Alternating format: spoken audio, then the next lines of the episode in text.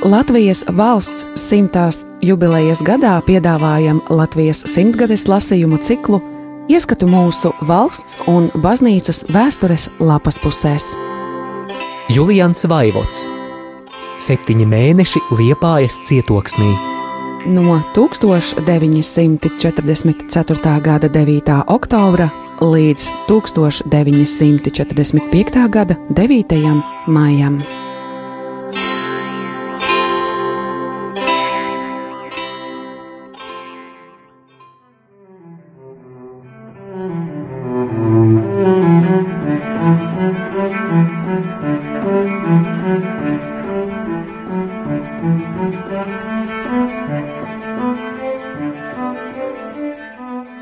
1945. gada 25. februārī. Latvijas laikos sociālā apgāde vispār bija labi nostādīta, un tāpēc nespējnieki arī bija apgādāti labi. Ne tikai pilsētās, bet arī uz laukiem nespējnieku mājas bija vārda pilnā nozīmē vecuma nodrošināšanas iestādes tādiem, kuriem nebija apgādnieku. Badu vai trūkumu nespējnieki necieta, Dažos pagastos par tiem tika gādāts tik bagātīgi, ka viens otrs vecis meklēja izdevību tikt iekšā, lai gan vēl nemaz nebija tādā stāvoklī, ka pats sev maizi nevarētu nopelnīt. Kādā turīgā kurzemes pagastā pagasta vecākais pat bija licis priekšā pagasta valdei samazināt nespējnieku treknās porcijas, un kā motivāciju savam priekšlikumam atstāstīs savādu piedzīvojumu. Viņš nejauši pļavā esot uzgājis vēl spēcīgu nespējnieku, kurš noķēris lopu gani un to mocījis. Uz pagasta vecākā pārmetumiem vecis tikai pateicis: Lūk, tādi ir vīri, kas ēd kroņa maizi! Jau lielinieki pa daļai likvidēja nespējnieku mājas pagastos, novietojot vairāku pagastu nespējniekus vienopus. Karš ienesa vēl lielāku dezorganizāciju nespējnieku apgādē, un kā tagad ir uz laukiem, man nav zināms. Toties pilsētā nespējnieku mājas pārpildītas. Slimus, vecus cilvēkus privātos dzīvokļos gandrīz neiespējami turēt, jo nav mājās no darba brīvu cilvēku, kas to skoptu. Tāpēc, gribot, negribot, tādi jāievieto nespējnieku namā, lai arī cik grūti apstākļi tur nebūtu. Man pašam bija pāris gadījumu, kad baznīcas apgādājamos vajadzēja ievietot nespējnieku namā, jo paši sevi viņi vairs nespēja apkopt. Bet kopēju ne par kādu naudu nevar dabūt. Un cik ilgi bez kopšanas tāds cilvēks var dzīvot? Tūlīt rodas nevēlamie kukaiņi, un ar tiem cīnīties nav viegli. Šie kukaiņi laikam skaitliski ir vislielākā partizānu armija katrā karā Viņi moka ne tikai kareivjus frontes bunkuros, bet pat miermīlīgos pilsētas iedzīvotājus. Kara laikā viņi sastopami pat tur, kur citā laikā tiem ieeja uz stingrāko noliekta. Šodien pat biju pie kāda slimnieka. Dzīvoklis samērā tīrs, un uz gultas uzklāti tīri palagi, pats slimnieks balts kā gulbis, bet skatos un brīnos pa balto veļu rāpjas viena pēc otras labi noēdušās utis.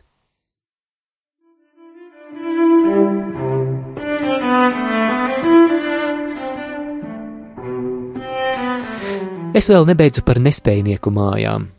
Utu tur jādomā nav, bet uzturs gan nav pietiekošs. Viena no baznīcas inventāriem - gandrīz simtgadīga vecene Jau pāris reižu pēc ievietošanas nespējnieku namā no turienes bija izbēgusi, un tikai ar lielām grūtībām izdevās viņu pārliecināt atgriezties atpakaļ. Ja jau tāda, kura vēl katru dienu dabū pusdienas no mana ķēķa, negrib labprāt tur stāvēt, kāds tad ir to stāvoklis, kuriem jāiztiek tikai no kopgalda? Nav brīnums, ka nabadzīņi steigā vien iet pie dieva. Šodien pat pieteica kādu nespējnieku apbedīšanai vecajos kapos, un pieteicējs nejauši atklāja noslēpumu, ka no tās mājas glabājot pat pa pieci reizē. Ja nespējnieku saime tā plok, tad par vietas trūkumu jaunajiem kandidātiem uz kroņa maizi nav jābažījies. Nāk un iet. Centrāla kapi liepājā lieli, un mājokļu tur sagatavots daudz.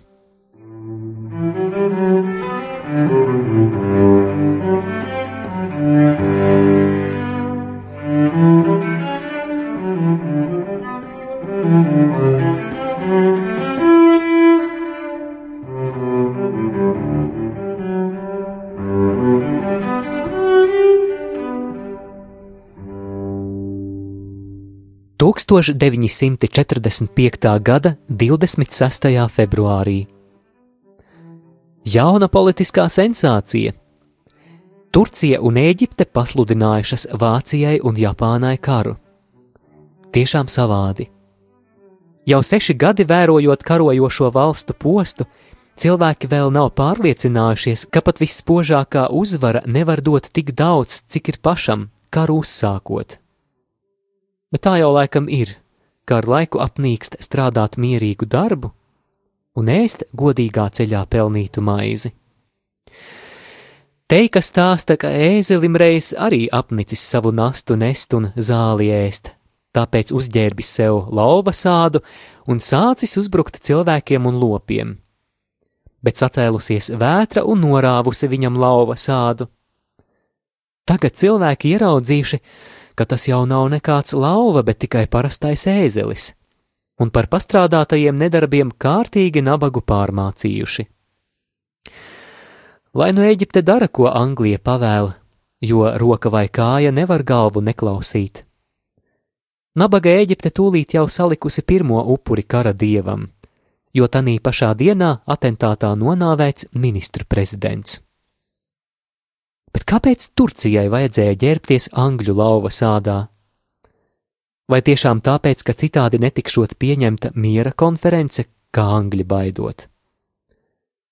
Turcija līdz šim ir uzvedusies kā sikspārnis putnu karā, par ko stāsta cita teika. Putni karojuši ar četrkājaiņiem, un reizēm vienai, reizēm otrai pusē smaidījuši uzvaras cerībā. Sikspārnis katru reizi turējies stiprākā pusē, un tāpēc reizēm cīnījies putnu, reizēm atkal četrkājaino frontē. Reiz tomēr putnu karš ar četrkājainajiem, kā arī visi kari izbeidzies ar kārtīgu mieru.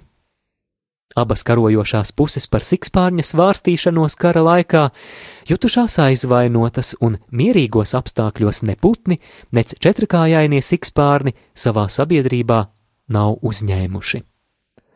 Aiz kauna nabaks esot ielīdis vistumšākajā kaktā, un dienas gaismā vairs nedrīkstot nevienam rādīties. Man vēl gribētos sikspārnim uzstādīt jautājumu, vai viņš vispār zina, kas viņš ir - putns vai četrkājainis. Jo cilvēki gudrāki par tādu sikspārni un tomēr bieži viņu sauc par lidojošo peli. Turki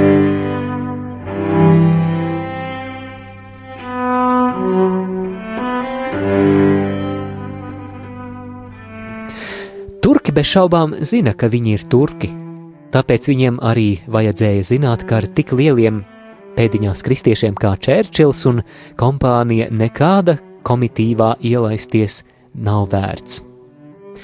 Miera laikā turkiem var iznākt tikpat kā sikspārnim, bet vai būs kakts, kur noslēpties?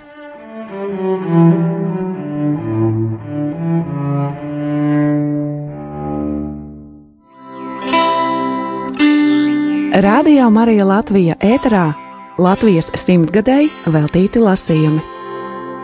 Julians Vaivots Septiņi mēneši liepājas cietoksnī.